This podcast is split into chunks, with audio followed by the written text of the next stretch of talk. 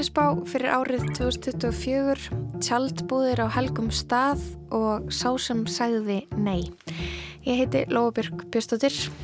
Ég heiti Bjarni Daniel og þetta er Lestin á þriðu degi 23. januar.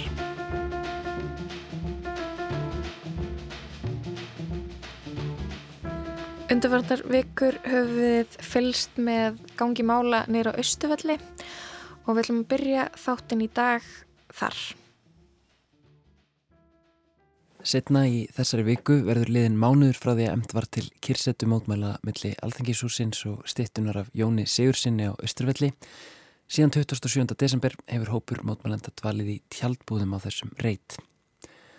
Nokkur fjöldi palestínufólks sem fengið hefur hæli hér á landi á fjölskyldur sem enn sitja fastar á gasa og krafa mótmælanda er svo að breyta þessu hið snarasta að stjórnvöld bjóði þessar fjölskyldur velkonar til Íslands á grundvelli laga um fjölskyldusaminningu og það strax.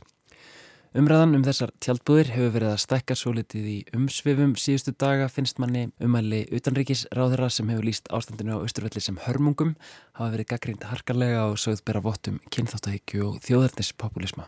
Þeir atbyrður sem er eiga sér stað þarna í, á gasasvæðinu sérstaklega e, eru skjálfilegir og það eru hörmungar sem eru að dinja yfir þá sem þar eru og ég hef fullan skilning á því að þeir sem að eiga ættvinni þar og eru komnir hinga til Íslands uh, líði kvalir fyrir þessa stöðu.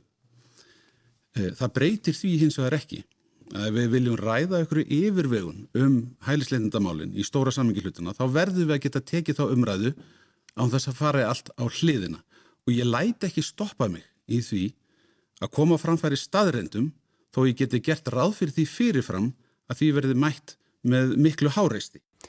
Óanægja með afstöðu ráðurans var kannski augljósust á hávarum mótmálafundi fyrir utan alþengishúsið í gær. Í dag er staðan hins vegar svo að það er óljóst hvort búðirnar fái að standa áfram. Leifið frá borginni sem nú er í gildi rennur út á morgun og enn hafa ekki búrist svörvarandi framaldið. Með það sem ég hef heyrt frá tjaldbúum síðustu vikur stendur þó ekki til að slíta mótmálunum í náinni framtíð fáist kröfur þeirra ekki samþygtar.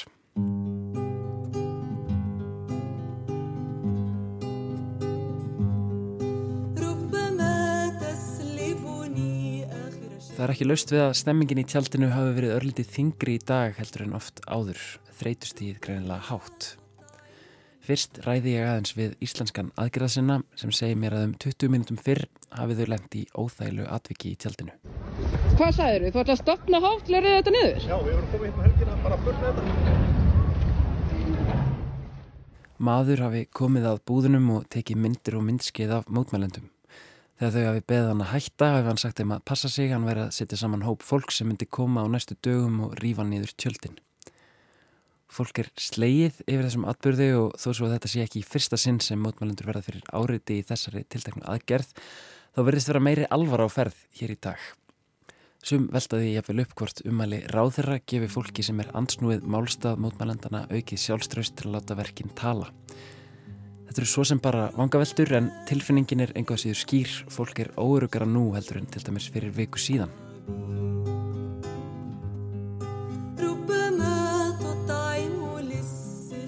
En svo tekið líka eftir fleiri breytingum og jákvæðum breytingum. Hópur íslenskra úlinga sitja í tjaldstólum í miðju tjaldinu og ræða málinn í lágum hljóðum. Það kemur í ljós að þau eru stött hér í fyrsta sinn og eru stött hérna til að spyrjast fyrir um ráð. Þau vilja nefnilega búða til verkfalls í skólanum sínum í samstöðu við málstað palestínufólksins. En veit ekki hvernig er best að undirbúa slíkt. Ég gef mig á tal við þau Atlas, Byrtu og Ragnar sem hefur þetta að segja.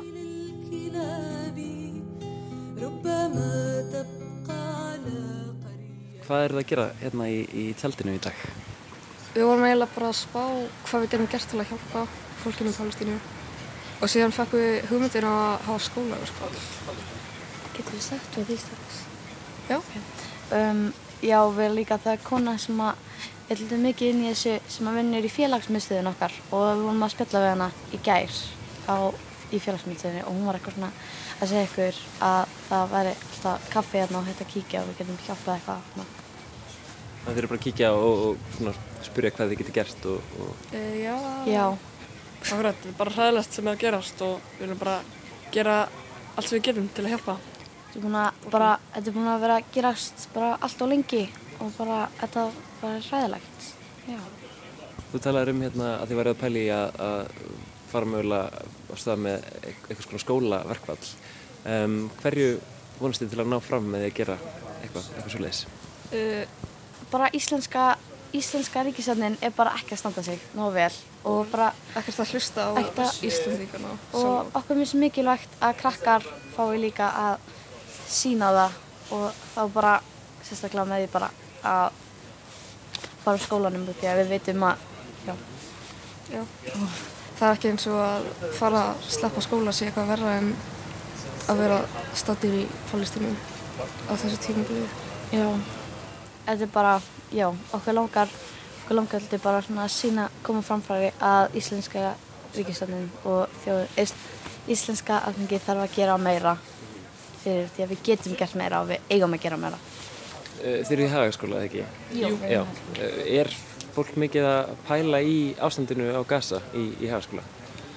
Já, Svona í kringum ykkur? Það er alveg mikið talað um þetta sko Já, í mynd fríminútum og ég myndi ekki segja að við værum eitthvað, þú veist, við erum, við erum ekki, mér finnst að við getum haft, þú veist, palestínu flagga á, nei, hérna, palestínu fánan kannski og þannig en já, mér finnst fólk vera meðvitað um þetta. Ég held að sé svolítið öðruvísi, þú veist, á milli, af því þau eru í 8. bekk og ég er 10. bekk. Það er svolítið öðruvísi hvernig maður er að tala um þetta. Eða ég held að það sé svolítið meira svona, fólk er að gera sér grein fyrir því að þetta er í gangi, en þau eru ekkert að tala um hvernig þau getur gert eitthvað. Er þetta í fyrst skipti sem þið komið hingað í, í tjaldið? Sko, ég kom örstnögt um daginn, uh, ég var að gefa svona barnamyndavel, af því mér er sagt að af krökkunum sem eru hérna vanlega er með áhuga á ljósmyndum. en já, þetta er í fyrsta skipti sem við erum að koma hingað í tjaldið. Við Ég, erum sérst að gera uh, fána svona palestínu fána ég ger, og svona Í gær, í og- gær í félagsmyndstöðinni og, og þá fengum við hugmynd að koma hingað já, ég, ég kom enga í gær í mótmæli en ég náðu ekki að vera það lengi, en ég var í smástund og ég ætla, ég ætla að reyna að koma oftar. Og hvernig líður ykkur hérna? Hvernig finnst ykkur stemningin vera? bara rosalega, þú veist, þetta er rosalega, minnst það bara mjög svona friðurfættari, þetta er ekki eitthvað svona, þú veist, fólk hans, minnst það bara mjög svona næs og fólk er bara svona, þú veist, maður sér að fólk bara í alvörinu hugsa út í þetta og bara svona, æfætti, svona, gera eitthvað kannski. vill gera eitthvað, þetta, þetta er ekki eitthvað bara svona, bara mótmæli bara að því bara, þetta er bara, þú veist, þetta er, þau vilja gera eitthvað. Er eitthvað sem þið viljið koma á framfæri í lókinn? Já, bara, Free Palestine já, Free Palestine. ربما تحرق أشعاري وكتبي ربما Næst kynnumst við Mohamed Al-Kawamle. Hann er 27 ára gamall upprunalega frá borginni Hebron í Palestínu en hann hefur líka búið í bandaríkinum um nokkra mánuða skeið áður en hann kom til Íslands í júni 2022 til að sækja um hæli. Það hefur ekki gengið sem skildi. I received a refusal of my application uh, and I submitted an appeal but still waiting for the, the final decision, yeah. Umsókn Mohamed sem hæli hér á landi var hafnað en hann hefur áfriðað þeirri niðurstöðu og býður nú svara. Hann kann ágætlega við sig á Íslandi en upplifir hér nýstórlegar og krefjandi aðstæður. It's just such a new experience for me uh, with different conditions of life. I managed to try my best to not be depressed by filling out my time with uh, activities such as enhancing my English skills, learning Icelandic as well. And since I'm not allowed to, to work, uh, it's not literally that I'm not allowed, but uh, by all means, it's kind of impossible to to find work without Kenitala. I'm talking about my personal uh, experience, uh, which is similar to many people that shared uh, previously their experiences with me. Mohamed gerir sitt besta til að hafa ofan af fyrir sér, þetta segir hann mikilvægt svo hann fyllist ekki deburð og vonleysi. Meðal þess sem hann hefur fengist við er að bæta ennsku kunnáttur sína og læra þá íslensku í þokkabót sem hann finnst ánægulegt en helst af öllu vill hann fá tækifæri til að vinna, nýta reynslu sína og láta gott af sér leiða í samfélaginu. I'm a physiotherapist with uh, an experience at the same field, Um, as I told you, I, I was in the US. I worked in customer service.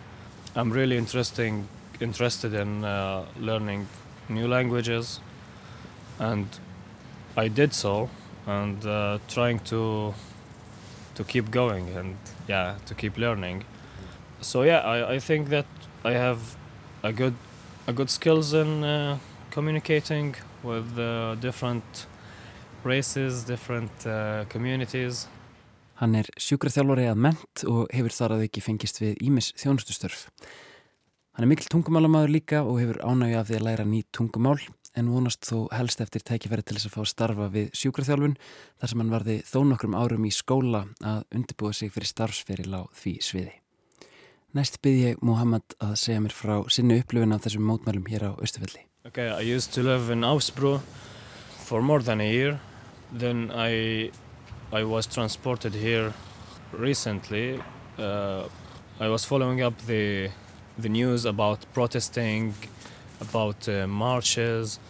Uh, yeah, and I, I was not able to to participate actively with those since I was uh, living in Ausbro uh, without car, and it's not it's not really easy to, to come and participate every time without work, without car, yeah. Mohamed hefur búið í flótamannabúðum við Ásbrú í rúmt ár þar til hann var nýlega fluttur í bæin. Í dag býr hann í nákvæmni við miðbæin. Hann hefur fylgst með fréttum af kyrsettum mótmælunum við Östuvöll og öðrum mótmælaðgerðum undanfarna mánuði en gatt ómögulega tekið þátt meðan hann bjó í Ásbrú þar sem hann hafði ekki aðgangað reglulegum samgöngum og engar tekjur sökum þess hvað ítla hefur gengið að finna vinnu. Það hefur tekið á tilfinningarlega að fá ekki taka þátt í mótmælum sem skipta hann miklu máli. We are managing to to have a, a large group of people.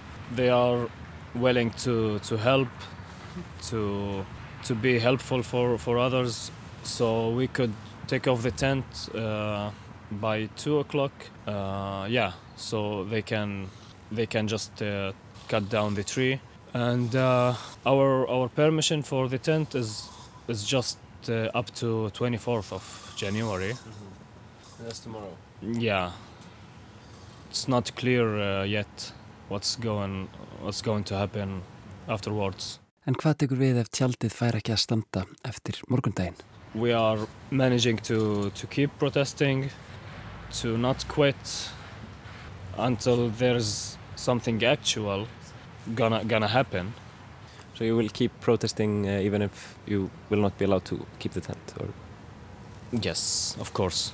Our cause is still still without uh, final final solution or uh, useful conclusion. But we we are uh, insisting on our demands, uh, insisting to to have fulfilled our uh, our requirements. Yeah. Ég spjallaði þarna við Atlas, Byrtu og Ragnar og svo síðast hann Mohammad. Eh, við töluðum aðeins um það að, að það er ekki ljóst hvort að tjaldbúðurnar á Östuvelli fái að standa eftir morgundaginn. Staðan er mjög óljós en uh, mótmælendurnir alltaf samt uh, ekki gefast upp, munum halda áfram að mótmæla hvort sem að tjaldi stendur eða ekki. Heimitt, um, samlega þessum heimsóknum neyra á Östuvell höfum við verið að endurflytja þættina á samviskunni sem er í umsjón önnu Marcibel Klausen og voru flyttir hérna fyrst í lestinni árið 2022. Í dag ætlum við að heyra fjórða þátt. Þann 10. mæ 1940 steg breskur herr á land í Reykjavíkurhöfn. Um kvöldið flutti Hermann Jónasson fórsetsræðara ávarp í ríkisútvarpinu.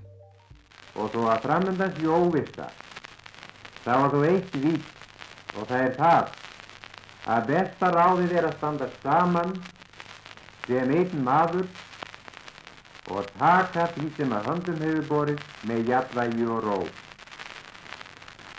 Þólinn mæðin, þrautir vinnur allar, segir gama og mjög viturlegt íslensk máltæki. Þólinnmæðin vinnur auðvitað ekki allar þrautir. Þólinnmæði hefur lítið að segja í útrýmingarbúðum.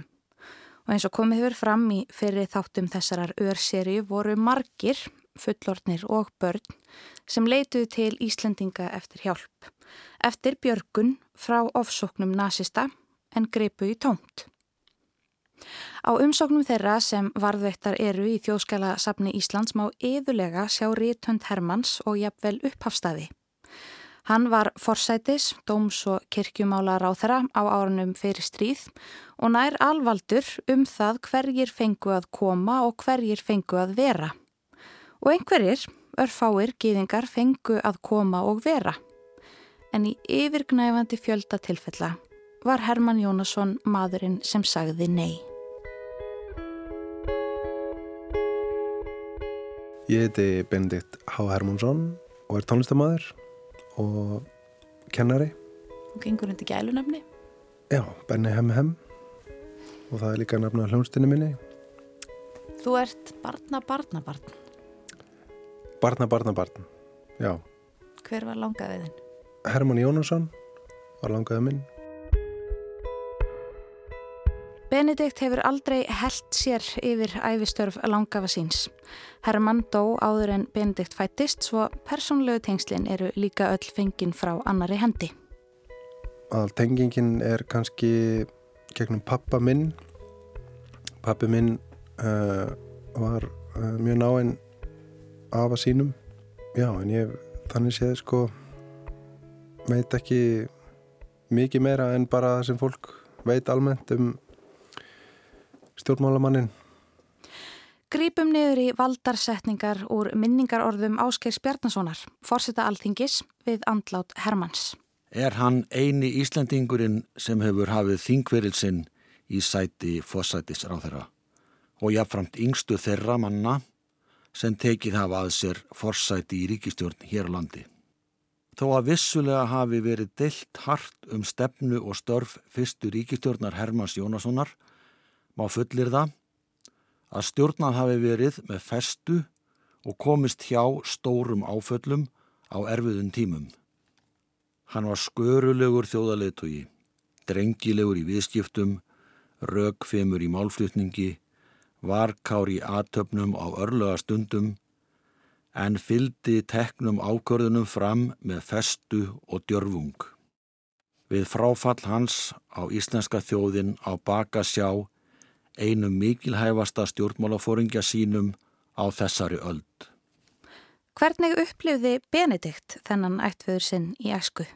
Það dreyin upp mynd af honum sem mjög mikillir svona hetju sem ég held að sé mögulega líka myndin sem er dreyin upp á honum bara sem svona þjóðþægt persona. Hann var glímukappi og það var náttúrulega mjög cool saganast þó að ég sé ekki alveg með hana 100% á tæru þá er hann í grófum dráttni þannig að, að hann kemur úr ekki úr miklum hérna, velstingum úr sveit í bæin og, og svona vinnu sig upp úr engu upp, í, upp á toppin, ég minna það er svona stutta útgáðan en er samt svona cool sveitakall og já, lítur pínlít út eins og hann sé bara með alla kostina.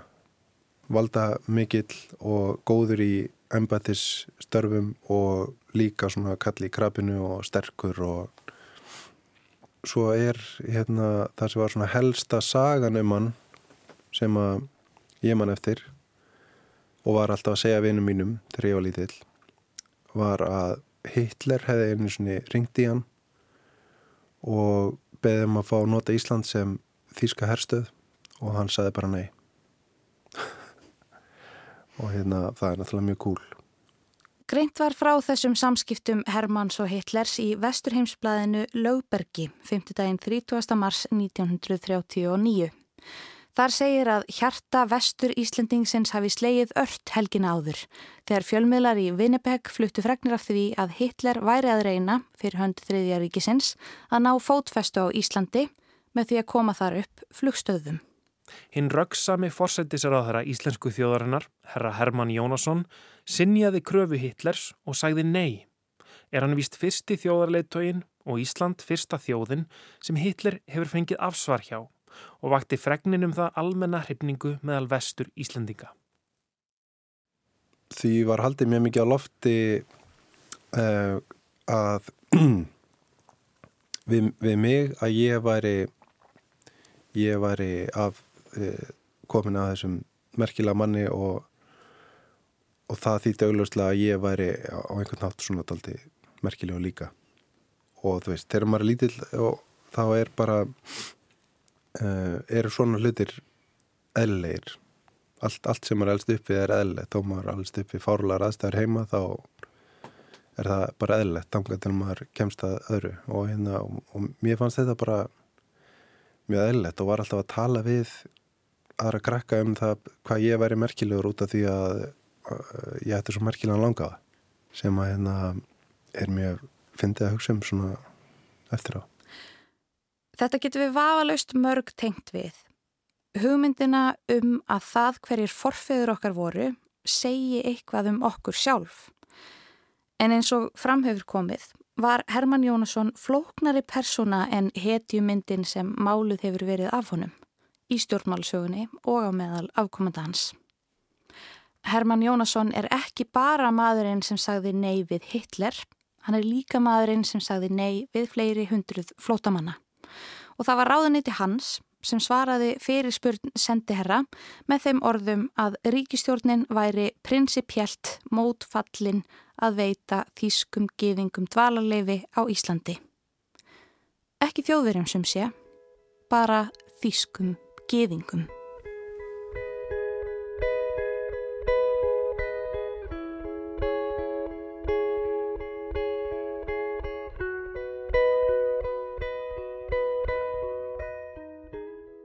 Í síðasta þætti þessarar örserju sagði Sibyl Urbansis okkur frá því að Hermann hafi reynt að fá fjölskyldu hennar vísað úr landi eftir að fadur hennar sótti um landvistarleifi fyrir móður ömmu hennar, Ilmu Grúnbám og afasistur Valeri Núman.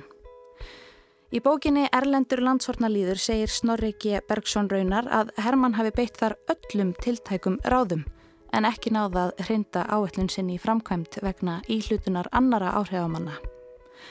Á þeim tímapunkti var þjóðstjórnin tekin við og Hermann hafði því ekki lengur meiri hluta í málefnum gýðinga flótamanna. Var ekki sami einvaldurinn og áður. Því fengu 17 gýðingar og makar þeirra, þar af 5 börn, dvalarleifi á Íslandi fram í mars 1940. Valeri Núman og Ilma Grúnbaum voru ekki þeirra á meðal. Þar fengu vissulega landvistarleifi, þvert á Óskir Hermanns. Á umsók þeirra tók hann sérstaklega fram að hún væri samþygt samkvæmt álíktun meiri hluta ríkistjórnar. Hann var ekki í þeim meiri hluta. En Hermann hafði tafið mál úrbansís fjölskyldunar það lengi að konurnar komist ekki frá Östuríki. Valeri Njúmann afasistir Sibyl var flutt í Theresienstadt búðirnar 1942 og myrt þar 9. ágúst 1944. Amma Sibyl, Ilma Grúnbaum, var flutt í sömu búðir í janúar 1943 og lést tæpum þremur vikum síðar. Fyrir mörgum árun las ég æfisögunans, mann eftir að spáð í það þá hvernig sagan er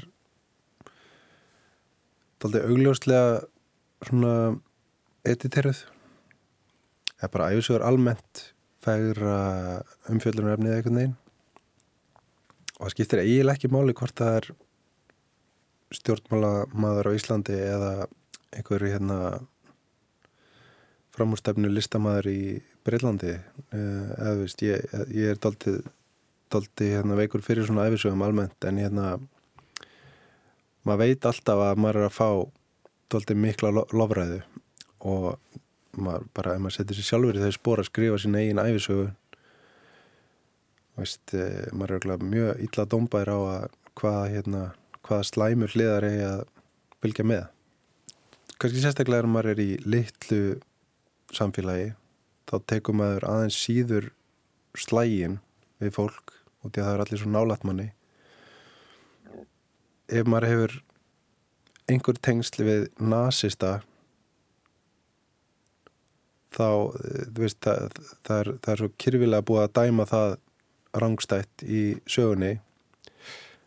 Þannig að hérna það bara talar engin um það. Ef, ef maður á einhverja fortíð sem nazisti þá er engin að, að hérna, tala um það einhvern veginn í, yfir kaffinu. Það skal tekið fram að hér er engin að kalla Herman Jónasson nazista.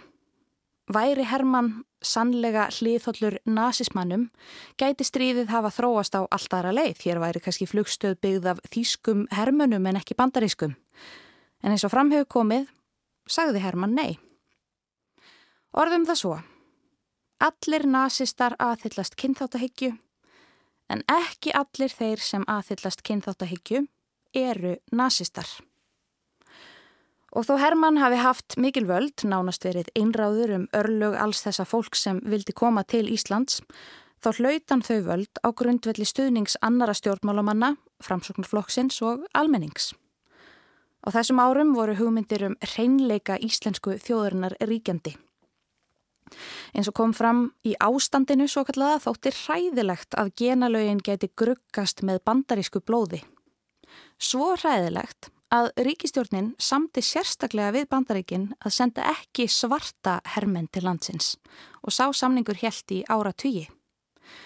Sömu hugmyndir um gýðinga endur speklast víða í bladagreinum og skjölum frá þessum tíma. Jafnvel í umsóknum Íslandinga um landvistarleifi fyrir gýðinga á flóta. Það sem sérstaklega er tekið fram að viðkomandi séu komin á aldur og ólíkleg til að fjölga sér á Íslandi. En eigmir líka af þessari gýðinga anduð. Þegar orðinu gýðingur er slegið upp í orðabók snöru kemur fyrst upp svarið maður af trúflokki geðinga og háð búsetu og næst svarið okrari, svíðingur, nirvill. Svo þýðing er mert með smáu letri sem fornt skástrygg úrelt en enn í dag skýtur þessi merking þó upp kollinum í umræðum. Svo hversu fornt getur það verið í raun? Kanski er það fornt af því að fordómar ganga í erfðir. Við fáum þá frá forfæðurum okkar og samfélaginu sem ól þá upp og það tekur tíma að aflæra þá. Nokkrar kynsluður jafnvel. Og það er auðvelt að vera vitur eftir á horfa á syndir fyrri kynsluða og telli sér trúum að þær hafi ekkert með okkur að gera. Hafi ættmenni okkar ekki haft þráðbeina aðkomu að voðaverkum er auðvelt að gleima því slæma og einblýna á hitt góða. Benedikt byggði þannig allavega lítinn hluta sjálfsmyndar sinnar í æsku á hugmyndum um hetjuna afasinn. En hvað gerist þegar svo speilmynd brotnar? En maður upplifir að það hafi raunverulega einhverja þýðingu fyrir mig á jákaðan hátt að, þessi hetja hafi verið langaði minn þá lítur að líka hafa þýðingu fyrir mig að hann hefur gert eitthvað sem hefur haft svona skjálfilegar afleðingar mér finnst hvorugt hafa þú veist, ég, ég upplifi ekki að ég sé merkilegri maður út í að hann sé langaði minn. Og ég upplifi heldur ekki að ég beri ykkur voðaverk á aukslunum út í að hann hafi gert slæmarhluti en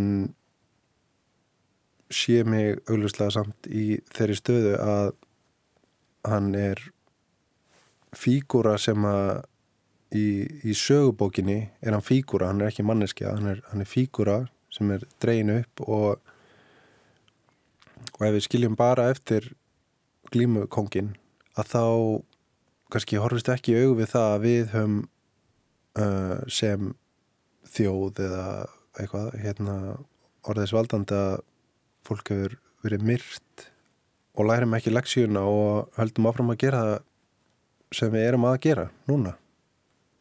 Það er ekki eins og við búum í einhverjum öðrum heimi hvað það var þar núna og sem að horfa á einhverju skrítna hluti í fortíðinni. Það eru sömu hlutir að gerast og, og við verðum bara að hérna, breyta því. Menna, það, það er ekkit eitthvað svona mál til að rökræða hvort við ætlum að hjálpa fólki sem er í lífsættu Ég er að velta fyrir mér hvort að það hafi breytt þínum hugmyndum um personu langaði þíns að svona komast að því að hann vísaði geðingum úr landi og svo framvegis finnst þér í dag eins og hann sé þá óhjákvæmilega vondur maður? Já, ég, ég bara hef ólega takmarkan skilning á því hvaða þýðir og ég finna alveg að ég hef ekki tengingu við hann eins og ég hef kannski við afa minn sem að ég þekkti vel. Auglustlega hefur maður ekki tengingu við fólk sem maður er aldrei hitt. En hugmyndin um hann er ekkert svakalega sterk. Og ég finna alveg að einhver partur af þessu er hversu mikið maður stendur með sínu liði. Það er svona einhver partur af þessu finnst mér og ég, ég sé alveg fyrir mér að fyrir 20 árum eða eitthvað þá var töluvert fleira fólk sem að vissi hver hann var. Þá held ég að ég hefði ekki örgulega ekki þórað að opna munninum þetta. Þá hefði ég fengið aðeins meir í magan yfir því að vera svíkja fjölskylduna einhvern veginn. Einhver svona meðrknis tauga viðbröð það er alveg eitthvað eftir af því núna. En ég, ég held einmitt að það sé ranga skrefi sem maður getur tekið að ákveða að standa með sínu liði frekar en því sem maður heldur að sé rétt. Og því að það er líka vola auðvelt að horfa aftur á það sem gerðist fyrir mörgum áratugum og sjá mjög skýrt hvað er rétt og hvað er ránt en þetta er óljósara núna og því við erum bara inn í miðju miðri sögubók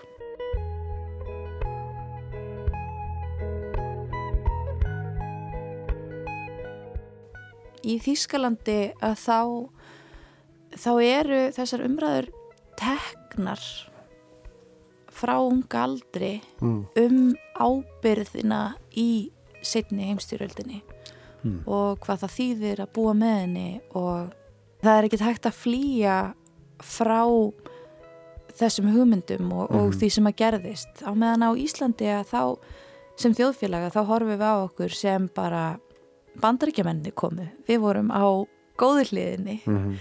við vorum á réttu hliðinni en við gleymum kannski eða ítum svo myndi teppið því sem er óþægilegra og, og lærum ekki leksíunar mm -hmm. Þú í rauninni veist ekkert mikið meira en meðal Íslendingurinn. Þú ert blóðtengtur manni sem að tók ákvarðaninnar hafði kannski manna mest um þetta að segja. En þetta er líka maður sem Íslandikar kusu. Það var hópur fólk sem að barðist ötult gegn þessari stefnu og fyrir því að fá geðinga til Íslands en sá hópur hlaut ekkert ríkan hljómgrunn meðal þjóðarinnar þá lítur maður að velta fyrir sér sko hvernig samræðunar eiga að vera? Er orðið of seint að gera þetta upp?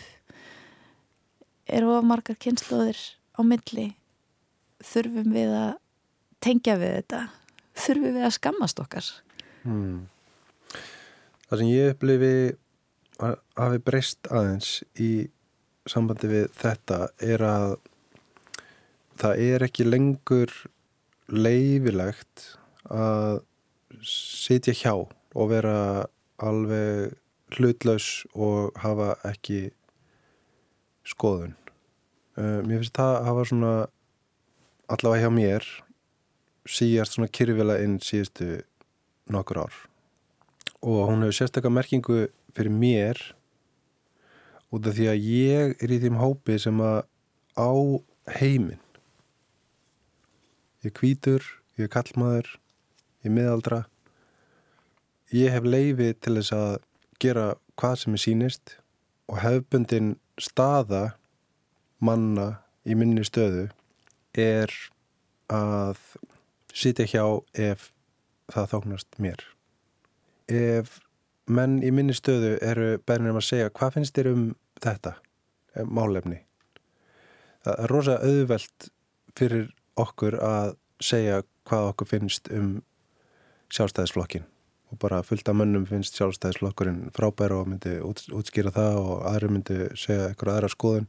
En að tjá skoðun sína er eitthvað svona sem að kemur rosa eðlilega út því að maður veit að vilja allir heyra mína skoðun á hlutunum, hvort sem það stendst samanbyrju raunveruleikan eða ekki, þá veit ég að vilja allir heyra hvað ég mér finnst.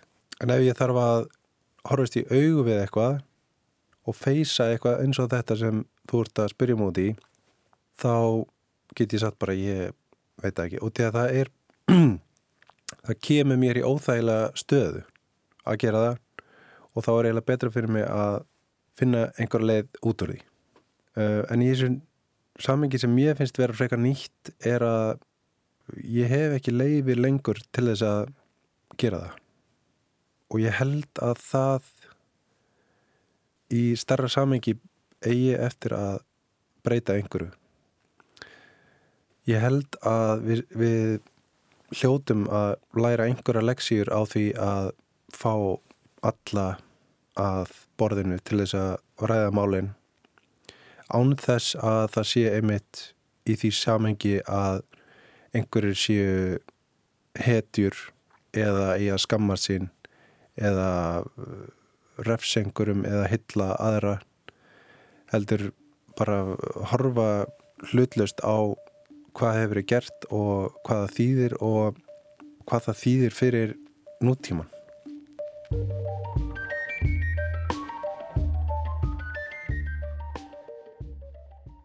Þetta var fjórið þáttur úr örseríunni á samviskunni í umsjón Önnu Marsabill Klásen. Við ætlum að snú okkur að tæknimálum. Hjálmar Gíslason, framkvæmdastjóri Gritt, hefur byrst tæknispá fyrir komandi ár nú í fjölda ára. Hann byrsti þær fyrst á sínu eigin bloggi og síðan þá hefur spáinn flakkað. Hún hefur verið í útvarpi, dagblöðum en tæknispáinn fyrir árið 2024, hún var í heimildinni, kom út í senstu viku og hann Hjálmar kom engað í lastina og horfið inn í kristalskúluna og segir okkur hvað hann sá þar.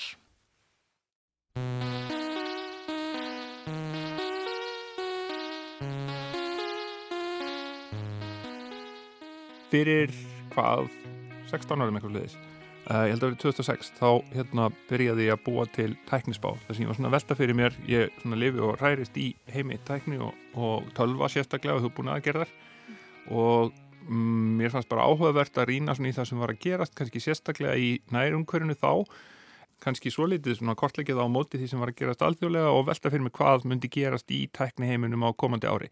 Völvusbáin eða eitthvað, þetta er ekkit vísindalegt en ég svona uh, fylgist ákveðlega með og þess vegna held ég að ég hafi smá nef fyrir því að ef það er eitthvað sem að það er svona eitthvað trend sem er byrjað og ég er búin að taka eftir því þá er ekki allir búin að taka eftir því og þá er gaman að segja frá því og velta fyrir sér hvað, hvað getur gert Hefur eitthvað tíman haft mjög, mjög, mjög rámt fyrir þér? Já.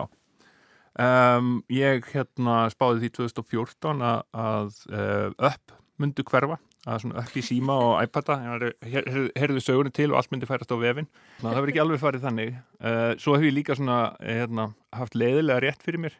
Ég, eitt af því sem ég vissi af um áramótin 2007-2008 sem var alls ekki eitthvað sem allir vissu af á, á þeim tíma var útráðs íslensku bankana með, með iSave og Kaupthing Edge. Og ég saði frá því og bjóst, hérna saði að það myndi verði fréttum og, og stækka verulega árinu. Og það kom nú aðeins í fréttina þarna setna 2008 Uh, þannig að hérna uh, já, það er svona uh, það er stundum það, það er yfirleitt gaman að hafa rétt fyrir sér í þessu en þetta er nú mest til gaman skert og stundum þá hérna þá hefðu kannski, hefðu maður betur haft ránt fyrir þér um, Þú helgar um, tæknisbána fyrir árið 2024 gerfugrendinni mm -hmm. um, hvers vegna? Sko, það er ekkert uh, merkilegra að gera því tækni heiminu núna og ég held í rauninni að þessi svona gerðvigreinda bylgja sem að e, allavega kom, ég, ég held að með segja að árið 2023 þá svona komin upp á auðborði fyrir okkur uh, fyrir okkur flest með tilkomið chat GPT og svipara tækni uh, það sem að tækni sem að er búið að vera þróa kannski svona í, í hvað að segja, það sem að Eh, Svo grundvallar breyting sem varð á tækninni var 2017, þá var því í rauninni bara svona ákveðin uppgötun í gerfigreind sem að hefur síðan leitt af sér í rauninni þessar lausnir sem við sjáum núna, hvort sem að það er og chat-GPT sem getur búið til tungumál eh, eða lausnir sem geta búið til myndir eða jafnvel, uh, myndbrot eða, eða tónlist eða eitthvað slíkt, svona þetta er generative AI eða spunagreind eins og uh, reynd að kalla það upp á íslensku. Uh, hún kemur svona upp á yfirborðið almennilega á síðast ári og ég viðkynna alveg að tók mig alveg daldinn tíma að fatta að þetta var ekki bara skemmtilegt tól eða eitthvað sem að hérna væri, væri áhvert að leggja sér með heldur myndi að þetta raunverulega breyta heiminum uh, og sennilega jafn mikið ef ekki meira heldur en svona þær helstu tæknibildingar sem ég hef upplifað sem eru þá sennilega sko í einhverju svona aftur upp að gröð uh, snjallsímin, uh, internetið og yngartölvan. Uh, og ég sett uh, þessa hérna spunagreindar bylgju alveg í sama flokk og, og þessa hluti og uh, heldum sé allra síst minnst. Ég held að það sem að sko saminar alla hlutinu sem er að gerast er uh, leðilegt að nota svona nánast takfræði hugtökun svona framleiðni aukning það er að segja, það fyrir minni vinna í að búa til hluti sem áður verið tölverð og jafnvel mjög mikil vinna eða jafnvel hreinlega var ekki innan seilingar fyrir það fólk sem að núna getur gert það. Ef við ímyndum okkur bara öll þau verk sem að fólk vinnur það sem að setur við tölvu og er að skrifa leiklaborð eh, að hún er að verða miklu skilvirkari. Eh, það að búið til myndir eh, að koma á ja, blaðið að skjá mynd af einhverju sem að representerar hugmynd sem að við höfum í haustnum er núna einan seilingar fyrir okkur öll vegna þess að við getum líst fyrir tölvunni myndinni sem við sjáum fyrir okkur og fengið eitthvað sem að líkist henni út.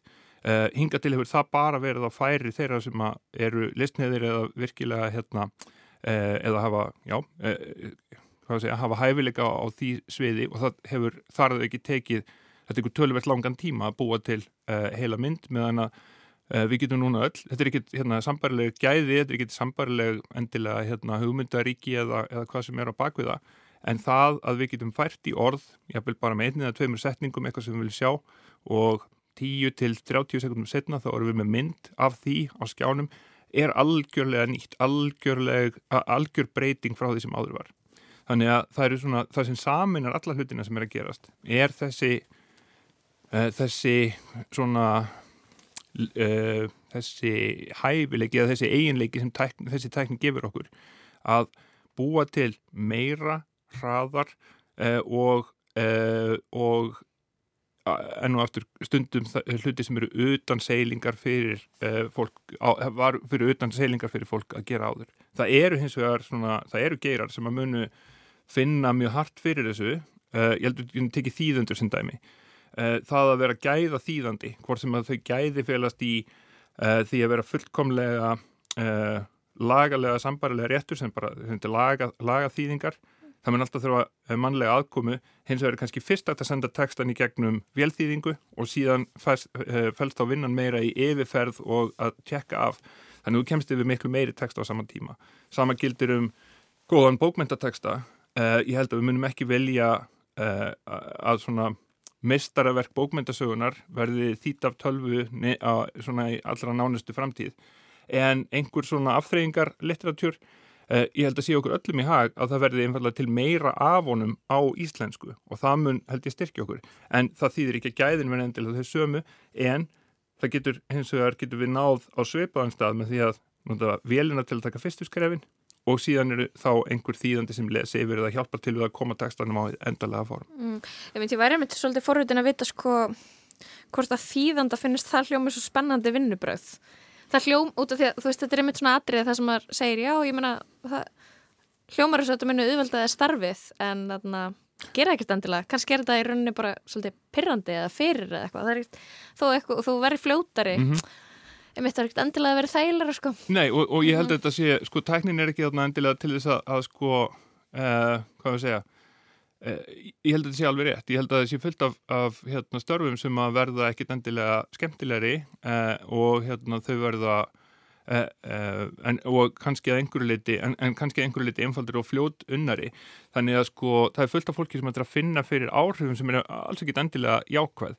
En hins vegar ef við tökum svona þessa framleiðinu aukningu, við getum síðan talað um neikvæði hliðarna líka, en, en hérna þegar við tökum þessa framleiðinu aukningu, þá við horfum að samfélagið í heild, þá erum við að fara að græða á þessu, en hins vegar einstakar hluti samfélagsins verða fyrir uh, svona, já, hvað segja, verða fyrir rauningsáhrifum af því að, að það er hérna, störfin breytast jáfnvel heilu geirarnir sem að einhverju liti þurkast út eða, eða ger breytast frá því sem var. En það er í rauninni það sama og hefur gerst bara með öðrum tæknibeltingum í, í gegnum tíðina. Uh, fötin okkar var einu svona spunnin af fólki og það er ekki gert lengur og það er náttúrulega fyrsta innbyltingin.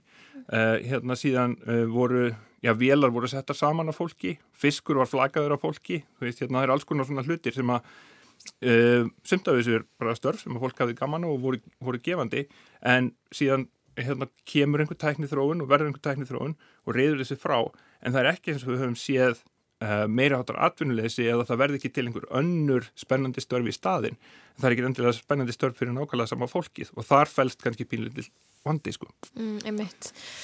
Um, sko mér langar að tala hans við um þarna um, hérna, þriðja atriði um, fyrir utan það hvað mér finnst hljóma ótrúlega leðilegt að, þarna, í atriði tvö að fá fullt af uh, tölvupústum sem að gerfi greindi búin að skrifa. Mér finnst hljóma eins og frekar svona, ekki spennandi tölvupústa framtíð. Um, sko þarna í þriða atriðinu og talar um þarna að gerfi greindin mun verða ávanabindandi árið 2024 eða ég heldur að TikTok, Instagram og YouTube Shorts væri ávanabindandi þá mun spunagreindin verða nótu til að spila á dopaminstöðar heilans á alveg nýjum hæðum um, Getur þú útskýrst aðeins af hverju þú segir þetta? Já uh, það er það sem ég held að sé svona nertekasta dæmið og það sem ég er með í höfðinu þegar ég skrifa þetta er, eru uh, chatbotar segja, eða spjall, spjallmenni uh, sem að geta sagt nákvæmlega það sem við viljum heyra og nákvæmlega þann sem við viljum hátt sem við viljum heyra það eru alltaf til staðar og geta látið okkur líða í mómentinu kannski vel en ekki endilega til lengdar, sérstaklega ekki ef við sóumst inn í þetta. Mm -hmm. Tökum sem dæmið, það eru fórsettakostningar framöndan í bandaríkunum uh, og í síðustu tveimur fórsettakostningum hefum við séð samfélagsmiðla nota mjög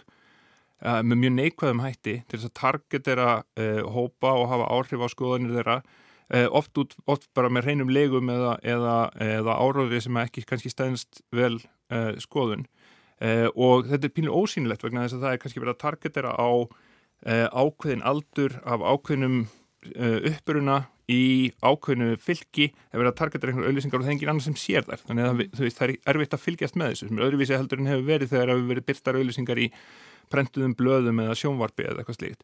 Og Núna, við sjáum alltaf sama. Já, akkurat, mm -hmm. þannig að við erum hægt að sjá það sama. Núna fyrir þetta alveg neyri á einstaklingsbundið level, þannig ég er alveg samfarið um það til dæmis í komandi kostningum í bandaríkunum munu gerfi menni uh, mögulega lítu, lítu profilmyndin út eins og hugulega stúlka uh, vil tala við þig uh, hérna, tala við einhvern kjósanda hann er kannski innmanna og næ, hérna næri húnum í einhvers konar, einhvers konar hérna, chat. Og samfærir hann síðan bara um alls konar vittli sem það hvernig heimurinn er og hvernig að kjósa í, í kostningunum mm. og þetta er eitthvað sem að viðkomandi líður ef að, ef að viðkomandi veikur fyrir mun líða mjög vel með að hafa fundið einhvern. Og ef viðkomandi átt að segja á því að það er spjallmenni hinnum einn þá kannski meira segja er þeim sama. Þannig að svona targeterða hluti höfum við aldrei séð. Og þannig er svona dæmið um sko mjög, mjög neikvæðan möguleika til að nota tæknina á, á mjög í rauninni hættulegan hátt og hátt sem við skiljum ekki alveg nógu vel, kannski hvert getur leitt okkur. Og það er eitt sem ég er að velta fyrir mér mér finnst eins og til dæmis bara hugmyndin um, um, um spjallmenni. Mm -hmm. um, mér finnst það ekki endilega eins og spjallmenni þurfi að sannfærið um að kjósa einræðisherra eða eitthvað sem allir í stríð við öllum í heiminum til þess að vera í rauninni í sjálfu sér sko. mm -hmm. bara einhvern veginn hugmyndinu um, um, um, um gerðugrænda spjallmenni sem að átt í samskiptum við sem að verður síðan eitthvað svona eins og eitthvað ástasambandi gegn neti þar sem að það er eitthvað spjallmenni sem segir allt sem vilt heyra og og hérna, auðra er ekki neitt og, hérna, og einhvern veginn lætuði líða eins og þú sérst ekki einmanna eða einn, skiluru, og þú tekur ekki skref í raunveruleikanum mm -hmm. til þess að þetta er bara plástur Já. á eitthvað svona skurð, það er svona, mér finnst ekki einu svona Já, mér finnst þetta bara nógu slemt í sjálfu sér sko. Já, Þó við, við blöndum ekki svona pólitíkinni í þetta, e, skilur við. Einmitt, það er náttúrulega einhverju, litir heimsbyggilega spurningarna sko hvort að það sé verra að einhverjum, hérna, einhver hætti að vera einmanna því að hann er að tala við tækni heldur en ef hann verður að tala við raunverulega mannesku en, en ég held alveg að það er ekki eitthvað sem við viljum bara demba ykkur út í á þess að, að pæli í því. Mm. En þetta sko, hvað maður segja, dýbra á bakvið þetta er að það sem er að gerast er að það verður erfiðar og erfiðar, eða það verður auðveldar og auðveldar að búa til sannfærandi hluti, hvort sem það eru myndir eða texti eða samtölu eða hvað annað það sem að það lítur út fyrir þessi fólk á bakvið það lítur út fyrir þessi raunverulegir uh, atbyrðir og við vitum það ekki. Uh, og hérna, heimsbyggingurinn Yuval Noah Harari sem að skrifaði bókina Sapiens uh, hann til dæmis hefur sagt að þegar við vitum ekki lengur hvort við erum að tala með mannesku eða tölvu þá grefur það undan uh, líðræðinu vegna þess að við vitum ekki hvort að við erum með eigið í samtali sem er með hinu fólkinu í samfélaginu í að móta samfélagið eða hvort að við erum að tala við uh, einhverja gerfigrind sem er þá kannski á vegum einhvers eða jafnvel bara út frá einhverju hérna, uh, því sem að mót, mataði gerfigrindinu á sínum tíma farin að taka þátt í því að móta samfélagið áfram. Og það sama kildir um þegar við trestu, getum ekki lengur treyst ljósmyndum, þegar við getum reyn, ekki lengur treyst upptökum af fólki að tala saman, þegar við getum ekki lengur treyst jafnvel vídeo upptökum uh, þá, hérna, uh, þá verður miklu erfiðara að, uh, að fóta sig í heiminum vegna þess að við höfum treyst í hlumis þegar við sjáum ljósmynd að að minnstakosti þá þurfum við, það sé dýrt að gera góðar falsaða ljósmyndir og að sennilega geti sérfræðingur í öllum tilfellum skorið úr um hvort að myndið sé fölstuðið ekki. Mm. Við erum að renna inn í veruleika, kannski ekki á þessu ári en þú veist, hann er alveg innan seilingar. Það sem er að búa til samfærandi myndir af mér og þér að gera hvað sem uh, uh, hérna, notandi gerðugrindarinnar vill að uh, myndin síni að við séum að gera og það verður ekki hægt að sjá munin á henni og raunverulega ljósmynd sem er tekin af okkur. Þannig að sannleikurinn er að einhverju leiti undir í, í þessu sem er bara náttúrulega alveg ótrúlega stórt mál. Mm. En saði ekki fólk það sama þegar allir byrja að nota Photoshop? Já, það var allavega, þá var yfirleitt hægt að sjá á endanum hvort það var falsað eða ekki. Mm. En minn og minna, minna, eftir því sem að Photoshop hefur orðið betra, þeim mun erfiðar hefur verið að sjá hvort það hefur verið átt við, átt við myndir og kannski eru við að nálgast þann punkt að það er bara ekki hægt yfir höfuð. Spennandi.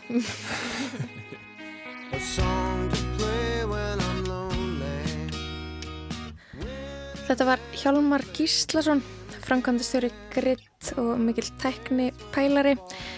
Hann var að segja mér tækni spána sína fyrir árið 2024 og svo erum við núna að hlusta á lægið Song to Sing When I'm Lonely eftir John Frusandi og við ætlum að enda þáttinn á því. Heldur betur við Bjarni Daniel og Lóa Björk þökkum samfélgina í dag og heyrumst aftur á morgun. Tæknum að það var Lítja Gretastóttir. Verðið sæl.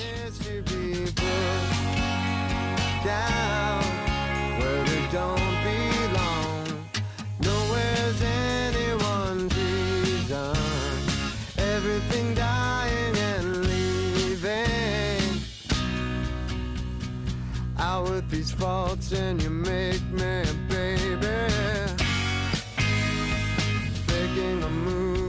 I know.